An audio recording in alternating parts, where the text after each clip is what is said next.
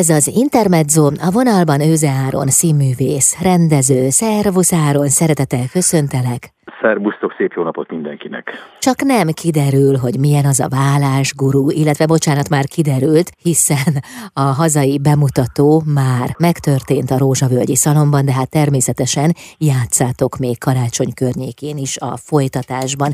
Hát mit művel, mivel foglalkozik egy vállás gurú? Hát van egy fiatal emberünk, akit 7 évvel ezelőtt ért egy nagy trauma, a élete szerelme elhagyta, se szó, se beszéd módjára, nem tudja, hogy miért, és hát ezt nem heverte ki. De hát, hogy egy kicsit bosszút álljon, nem csak a női nemen, hanem a férfiakon is, mert ő nőktől is vállal megrendelést, mint vállásgurú, de alapít egy vállalkozást, ami nagyon jól megy neki, ami az emberi gyávaságra épít, épül. Itt akkor egy kicsit meg is állnék, mert azért félelmetes a maga az alapötlet, hogy ha belegondolunk, akkor ezt a vállalkozást ma bárki kitalálhatná, és még lehet, hogy jól is működne. Nem tudok ilyenről, de elképzelhető. Ötleteket adtál. Igen, na most ő űzi magas szinten ezt a vállalkozását, ezt a mesterséget, hogy úgy mondjam, hogy férfiak és nők helyébe szakít, profi módon, betanult szövegekkel, kistáskával, a, a, a, az adott illető cuccaival, akivel szakítania kell, ha kell kulcsot visz, ha kell kiskutyát elhoz, ha kell ellenkező cuccokat elhoz. Tehát, hogy mondjam, ez egy nagyon végig gondolt és egy nagyon, nagyon kivitelezett vállalkozás. Egy valamire nem számít, hogy 7 év után az egyik megrendelője szakításakor a volt 7 évvel ezelőtti szerelme nyitja ki az ajtót, és innen kezdődnek a nagyon nagy bonyodalmak. Ah.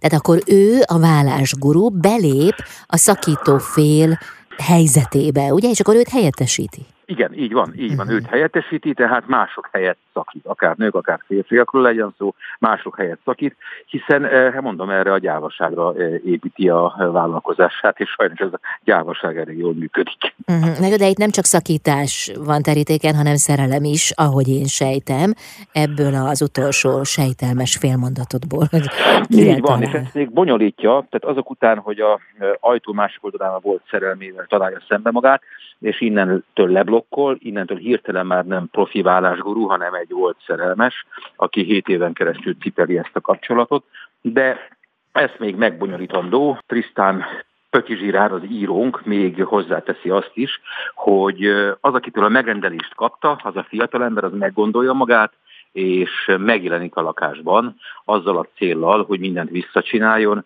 és megkérje a kezét a illető hölgynek, akiről aztán ugye, a, a, akiről addigra már kiderült, hogy a szakítónak, a vállásgurúnak a volt 7 évvel ezelőtti szerelme. Uh-huh. Tehát az alaposan bonyolítjuk a dolgokat, és, és és hát ennek megfelelően én azt gondolom, hogy a nézők a Rózsavölgyi Szalonban egy elég izgalmas és egy pörgő és egy, eh, hogy mondjam, emberi gyarlóságokat nem nélkülöző darabot követhet végig egy óra 20 percen keresztül, amiben megint csak azt mondom, és ezt szeretem én, hogy saját magunkon szórakozunk és nevetünk, vagy ha úgy tetszik, gondolkodunk el. Hát akkor még a rivalizálás is belép a hogyne, történetbe. Hogyne. Itt úgy ül le egy nappaliba három fiatalember, eh, Chloe, Ulman Monika, a vállásguru Erik, Bras Bence és a lakásra felrohanó, szakítását visszavonó leánykérő Quentin, aki pedig a Józa Laci, hogy mindegyik egy kicsit hazudik, mindenkinek van vaja a fején, ami elkezd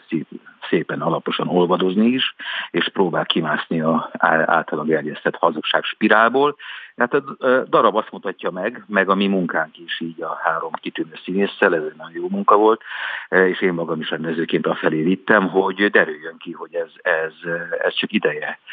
Te, tehát, te, hogy, hogy egy ideig megoldás. A hazudozás egy idő után megúszni nem lehet, mert csak egy spirálba kerülünk, aminek sosincs vége, és csak annál rosszabb. Tehát a egyenes őszinte útnál és a szemtől szemben bevált gyarlóságoknál nincs, nincs egyszerűbb, és nincs igazabb, és nincs jobb megoldás. Hát ilyen értelemben ez egy igazi karácsonyi történet. Igen, igen, teljes mértékben. Tehát azt gondolom, hogy, hogy, hogy fontos, hogy hogy legalább karácsonykor egy picit elhagyjuk, vagy levessük a, a, a, a gyarlóságainkat, és együtt legyünk azokkal, akikkel egy szeretünk együtt lenni, kettő pedig őszintén tudunk együtt lenni. A Rózsavölgyi Szalomban egyébként már hagyomány, hogy decemberben karácsony környékén friss bemutatóval kedveskednek a közönségnek. Most ez a darab jelenti a friss bemutatót, de szerencsére január végén és februárban is folyamatosan műsoron lesz majd. Mi pedig jövünk vissza Őze Áron színművész rendezővel itt az Intermedzóban. Az Intermezzo vendége Őze Áron, színművész, rendező, a Vállásgurú című darab látható már a Rózsavölgyiben, ugye ennek te vagy a rendezője. Ez egy bonyolult, kapcsolódásokkal, érzelmi viszonyokkal megírt történet. És ahogy hallgattalak téged, hát bizony nagyon sok részlete visszaköszön a mi életünkben is, tehát nagyon erőteljesen reflektál a, a mai valóságra. Így van, így van. Tehát azt hiszem, hogy munka során is arra törekedtünk, és ez egy érdekes tapasztalatom volt nekem is, hogy tehát első olvasatra ez a darab, ez egy, ez egy bulvár. Na de én nem szeretem ezeket a kategóriákat, mert mi az, hogy bulvár? Mindent komolyan kell venni, amit nézők és emberek elé viszünk, és nézők és emberekről szól. Pláne, hogyha szólni akarunk feléjük, hogy nekik valamiről. Úgyhogy az mind komolyan vendő, mi ezt komolyan vettük, és jó úton jártunk, úgy tűnik, mert azóta ez a pár előadás is bizonyította és bizonyítja estéről estére, hogy ha, ha az úgymond a könnyű műfajt, vagy a bulvárt komolyan vesszük, és tényleg komolyan vesszük, emberi szempontból vesszük komolyan, a munka folyamán, a munka során, akkor eljutunk egészen az abszurdig. Tehát az, az már abszurd egy ponton túl. És hát ez az igazi abszurd, én azt gondolom, aminek teste van, aminek alapja van, ami, ami föl van építve, ami, ami, ami sorsokról, életekről, egyéni, ha úgy tetszik, tragédiákról, vagy, vagy, vagy, vagy komédiákról szól, vagy gyarlóságokról. Tehát tényleg komolyan vettem ezt a munkát, és a három színésztől is ezt kértem, és nagyon vették a lapot, meg jöttek velem ebben a munkában, és az igazolja a munkánkat, hogy, hogy a közönség is nagyon, nagyon hálás és nagyon szereti. Tehát nem direkt szórakoztatunk, vicceskedünk, röhögtetünk, nevettetünk egyebek, hanem hanem tényleg magát az embert, a nőt és a férfit, és ha tetszik egy kapcsolatot, vagy egy szerelmet, vagy a, ebben rejlő buktatókat, hazugságokat, kisebb stikliket, füllentéseket, egyebeket, és az ebből adódó helyzeteket, kínokat megélve komolyan vettük, és, és, és hát hálás a közönség ezért úgy tűnik. És milyen volt a próba folyamat? A Rózsavölgyiben próbáltatok? Igen, igen, végig a Rózsavölgyiben próbáltunk. Na most ott ugye egy, tehát én már elég régóta dolgozom a Rózsavölgyiben, és nagyon szeretek a dolgozni, mert olyan, tehát olyannyira közel van a színész a nézőkhöz, hogy szinte, így mondhatnám, a szájukba játszunk a nézőknek, és ez a fajta közelség, ez egy teljes intimitást eredményez, és egy teljes kitárulkozásra ad lehetőséget, nincs semmi olyan csillivilli, meg semmi, ami, ami, amibe el lehetne bújni, vagy, vagy bármit is elbújtatni, vagy elkápráztatni, ha úgy tetszik. Ami néha a színháznak dolga persze, de közben hát azért alapvetően a kitárulkozás a lényeg, meg azok a belső lelki folyamatok, amiket egy színésznek és egy előadásnak meg kell mutatnia. És ez a Rózsavölgyiben ez mindig is így volt, ott, ott lehet igazán ilyen belső lelki mű, műhely munkákat csinálni. Színészként is mindig nagyon szerettem a szalont, megrendezőként is. Uh-huh. Azért is kérdeztem ezt, mert nyilván nem lehet próbálni egy ennél jóval nagyobb térben, hiszen annyira speciális ez a, az atmoszféra ott a Rózsavölgyiben, hogy hát ha nem is ott próbálnátok, akkor is valami hasonló helyen kéne, hiszen ezzel teremtitek meg ezt az intimitást. Igen, igen, igen, igen, igen. Tehát uh, itt egyébként én, én uh, rendezőként a munka során nem uh, hogy mondjam, flikszangolok, tehát nem találtam ki még ehhez a kicsi, szűk helyszínhez és térhez képest nézők közötti játékot. Az elején van egy néző közötti játék, de ezt nem szeretném lelőni. Oh. De egyébként színpadon játszunk, tehát frontálisan játszunk színpadon, klasszikus negyedik fal technikával, de ettől függetlenül ez a közelség, ez, ez nagyon adott a szalomban, és, és hát az ereje is a szalonnak, én azt gondolom. Igen, mert olyan darabokat is elő tudtok venni, amiket más helyzetben nagy színpadon egyáltalán nem, hiszen nem él meg. Igen, ám bár nagyon érdekes, hogy én magam is több darabot is játszottam már színészként is a szalomban, és a Rozsvölgyi szalon utazik is néha, és van, amikor nagyobb színpadokon találjuk ah. magunkat, és azzal is meg kell küzdenünk, hogy is nem is küzdelem ez, hanem egyszerűen tudunk el nagyítani, vagy, vagy, vagy, vagy szélesebbé tenni magát a játékot, meg, meg a belső folyamatokat, és azt is meg kell tudni mutatni. Nagyon sokszor, hát pont a Pokornéliával játszom a két személyes darabot, a valami csajokat, és, és sok nagy színpadon játszottuk már országszerte, ami aztán egy, tényleg egy kétszemélyes, teljesen intim darab, meg kellett oldanunk nagy színpadon is, és érdekes működött, tehát ott is, ott is működik. Azt hiszem, hogy, hogy minden munkának és minden színházi munkának ez a belső energia és a belső, hogy mondjam, bejárt út, az alapja, és, és akkor azzal a színész úgy tud bánni, ahogyan kell, és ahogy a helyzet diktálja.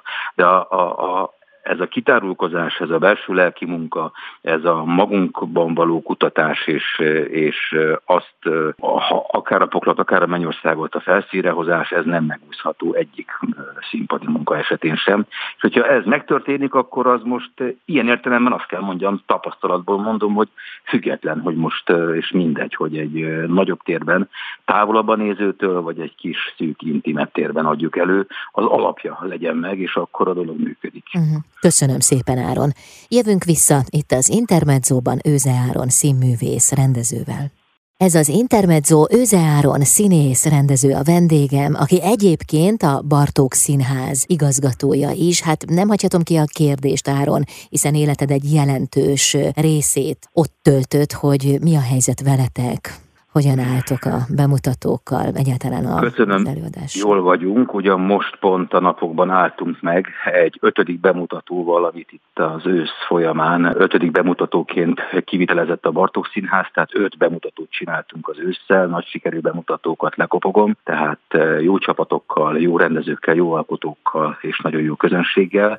Tehát bepörgettük az eseményeket, mert nyár eleje óta már számoltunk, mi már itt szagoltuk a gazdasági osztályommal itt a problémákat, és és hát sajnos két hónapra meg kell állnunk nekünk is, ahhoz, hogy a 2023-as esztendőt kivitelezni tudja a Bartók Színház, illetve munkahelyeket megvédjem, és még sorolhatnék egy csomó mindent. Márciusi műsorrendel jövünk ki, most, most megálltunk. A belső munka folyik tovább, kifelé nem játszunk. Ez most már tapasztalt helyzet mi részünkről, a pandémia alatt is ugyanez volt, annyi a különbség, hogy ott az életekről szólt a mókabóka, és hát nem volt igazán vicces.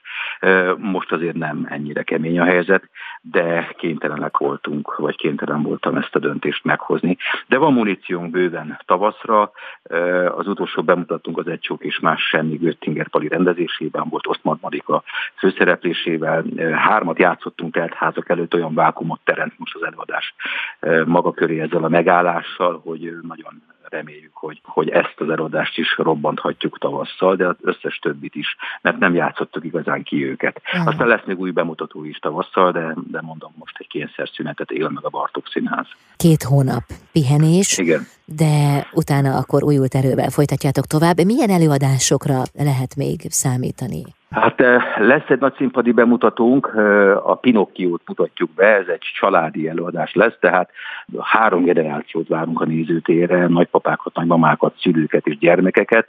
Ezt Horváth Illés rendezi, ez lesz a nagy tavaszi munkánk, és aztán én kezdek el egy előbemutatót, eh, Hippolyta Lakály című darabot fogom rendezni. Egyébként ez koprodukció a Kőszegi Várszínházzal, tehát július folyamán a Kőszegi Várszínházban hat előadásban fogja a csapat játszani ezt az előadást a Hipolitot, és utána ősz elejétől megint bekerül a Bartókba. Tehát egy ilyen közös munkára készülünk a nyár folyamán, illetve most már tavaly nagy sikerrel sikerült megrendeznünk a mikrofesztiválunkat, tényleg óriási siker volt, és úgy tűnik, hogy idén is sikerül. Mindenféle szempontból a kondíciók készen állnak arra, hogy megcsináljuk.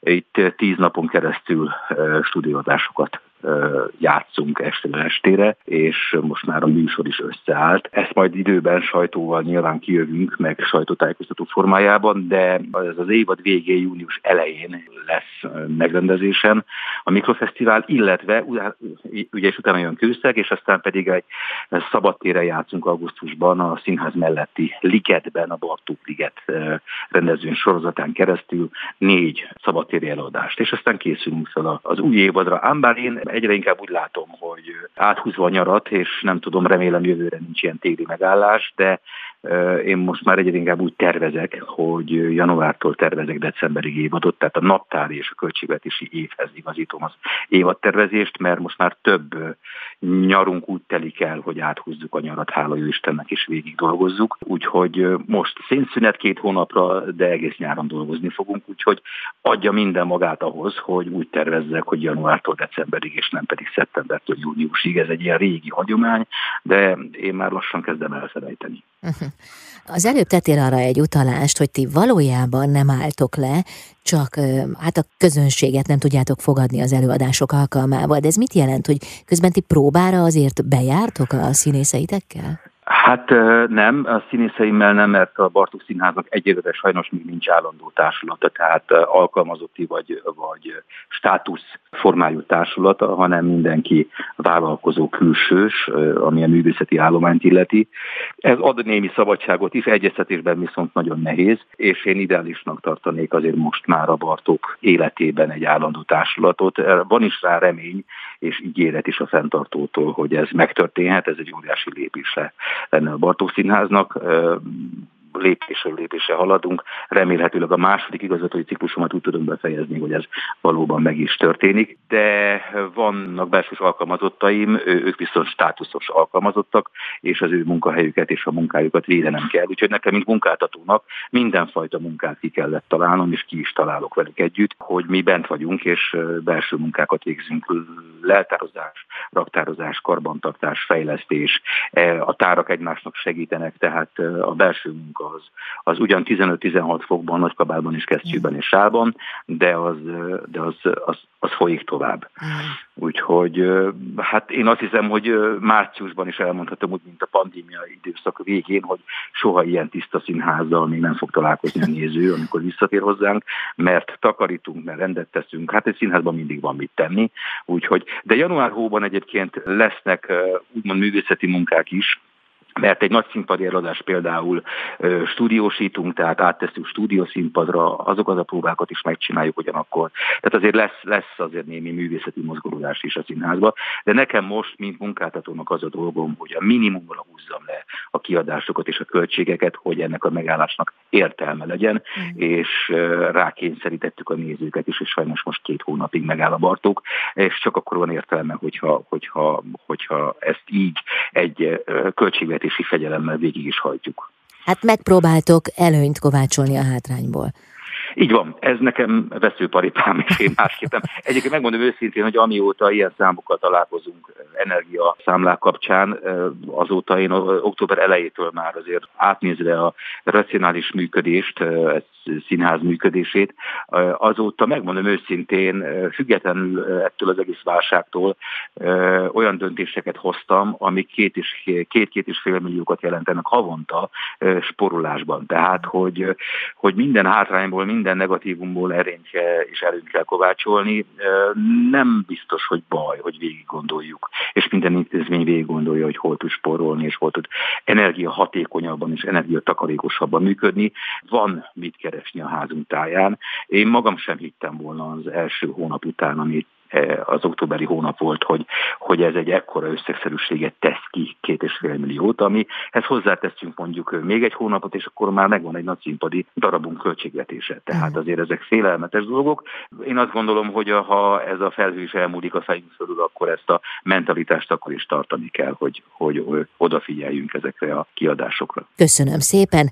Őze Áron volt a vendégem, a Bartók Színház igazgatója, de jövünk még vissza, hiszen szó lesz a vállásgurúról is, amely a Rózsavölgyi Szalomban látható, és amelynek ő a rendezője.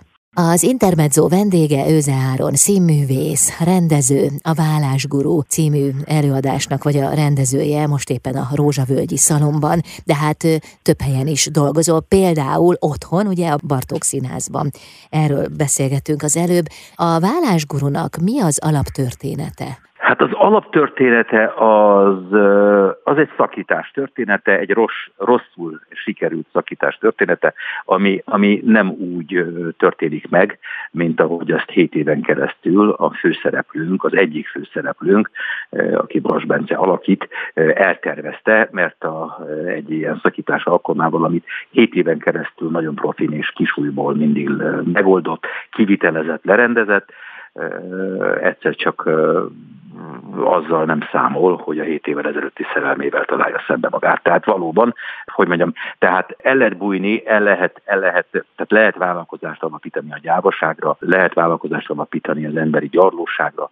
Azt hiszem, hogy elég jövedelmező, de egy ponton túl, ha egyszerűen az érzelem atombombája fejbe talál minket, akkor ott, ott vége. Ott, ott egyszerűen elindul egy egész másik közlekedés az életben, a világban, a másikkal szemben, ami nem megúszható. Azt hiszem, hogy ez, ez lényege a darabnak. De hát Trisztán Pötizsirár egy, egy jó alapot tett le nekünk, de megmondom őszintén Karácsony Ágnes dramaturgal átdolgoztuk mi ezt a darabot, és egy kicsit, hogy mondjam, még inkább megtömtük érzelmekkel, illetve ha már van egy ilyen alapképletünk, hogy valaki egy ilyen vállalkozást indít vagy űz, hogy ő egy hivatalos szakító mások nevében, akkor nekem fontos volt az, hogy, és a játékcél is egy nappali, hogy a néző azt érezze, hogy először is ez hát ha nem is bármikor vele is megtörténhet, de adódhat olyan helyzet az életében, hogy vagy felkér egy vállásgurút egy szakításra e, ő helyette, vagy pedig ő találkozik egy vállásgurival, hogy benne szakítanak. Sajnos ez benne lehet a pakliban, de hogyha körülnézünk mondjuk a Rózsvölgyi Szalon és környékén, ott a Petőfsendő utcában, akkor ez bármelyik nappaliban is megtörténhet. És ezért egy picit a Karácsony Ágnes dramaturgal azon túl, hogy, hogy, hogy több helyzetet, de egy picit a mi jelenlegi és mindenkori viszonyainkra alakítva átdolgoztuk a darabot, azon túl egy picit úgy lett általánosabb, hogy ezt valóban bármikor bárki, és bármilyen helyzetben megélheti, illetve találkozhat ilyennel. Látvány. Azt mondtad az előbb, hogy egy nappaliban játszódik a történet, na de hogy néz ki ez a lakás belső? Nekem fontos volt ebben a játéktérben egy ajtó, és most az, hogy a Rudolai Szalonnak a icipici kis színpadjára egy ajtót sikerült fölvarázsolni, az, az nem kis szó, és ezt Egymári Péternek köszönhetem, mert nekem ez az ajtó úgy is szimbólum, hogy nem mindegy, hogy mások életében, mikor, milyen ritmusban, milyen érzelmekkel, milyen őszintességgel lépünk be, vagy lépünk ki, egyetlen hogy lépjük át ezt a küszöböt, ami a másik életéről szól. Oda mit viszünk be, ahhoz mit adunk hozzá, mit, mit veszünk el belőle, mit viszünk magunkkal, és egyáltalán. Tehát egy, egy, egy ajtó a fő eleme ennek a játéktérnek, de egyébként pedig egy nappali, és, és ez a nappali, ez tényleg most, hogy itt, itt Magyarországon körülnézünk, akkor, akkor bárhol, bármilyen nappali lehet. Ez, ez lényeges pontja volt ennek a, ennek a díszletnek, és ezt Egymári Péterrel egy perc alatt közös nevezőre is hoztuk, és, és nekem kivitelezte is. Úgyhogy, úgyhogy egyszerű a díszletünk, mert a színészen van a hangsúly, tehát nincs semmi, tényleg nincs semmit lékszak. Itt három fantasztikus színész, Ulman Móni, Brasd Bence és Józan Laci van dől el minden, és, és, és ők, ők, hogy mondjam, ők, ők a központ. Mm. És milyen volt a közös munka, a próba folyamat velük? Nagyon jó volt, nagyon jó volt, nagyon sokat elemeztünk, nagyon sokat rögtünk, nagyon sokat kellett rendet csinálni, mert három teljesen különböző típusú színészem összegyúrásáról szólt a próba folyamat, amit én kihívásra kérek, meg is nagyon szeretek. Én nagyon szeretem, hogyha a színészek biztonságban vannak, és erre mindig minden munkám során is törekedtem. Ők mennek fel utána. A rendező, ha jól dolgozott a premier környékén, és már a főpróbától kezdve már igazán nincsen dolga. Egyszer rá, rá kell állni az előadásnak egy önműködő üzemmódra, és ott már a rendező egyszer csak már holnapra egy ilyen vákumban, egy ilyen nagy magán, magányban találja magát, de az a kutya kötelesség, és, és, a dolga, hogy az a színész, aki viszont ezt estre, estről estére szíre viszi és játszik, lehet legyen az bármekkora szerepű színész, az biztonságban legyen, és, és, és minden egyes este megújulva, mindig előről, előről, előről, de, de,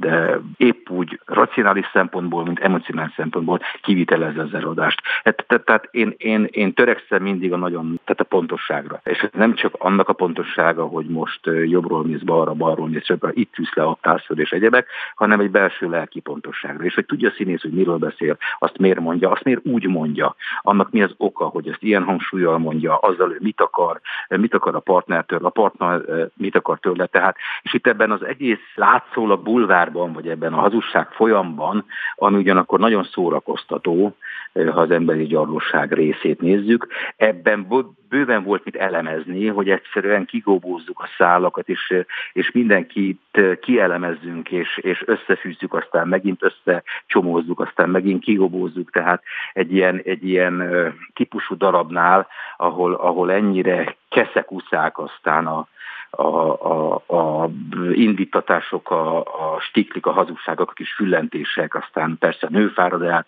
és végül is a nő tesz rendet, én egyébként nőpárti vagyok, nincs jó véleménye a férfiakról, és ebben a darabban is a, a, a Chloe Ulman által játszott szereplő fárad el ebben az egészben, és, és, és rúgja föl a Billit, és teremt aztán tiszta helyzetet, hogy ezt egy nőnek meg kell teremtenie. Ebben bőven volt mit csinálnunk a próbák folyamán és a próbák alatt, és azt gondolom, hogy nincs olyan mondata, vagy nincs olyan szava sem a darabnak, amit ne tudnák a színészeim, hogy mit mondanak, és miért, és milyen, és miért úgy, úgy, úgy mondják. De, de számomra ez az színházi munka lényege, tehát hogy ez egy, ez egy fontos, fontos dolog. A jelmezeket pedig Kis Fabélának köszönhetem és azok is nagyon, nagyon látványosak lettek, vagy nagyon izgalmasak. Remek és sikeres előadásokat kívánok, és értő kíváncsi közönséget, Áron. Köszönöm szépen. Köszönöm szépen. Válás guru tehát a Rózsavölgyi Szalomban január végén és februárban is folyamatosan műsoron lesz majd. Őze Áron színművész rendező volt a vendégem itt az Intermedzóban.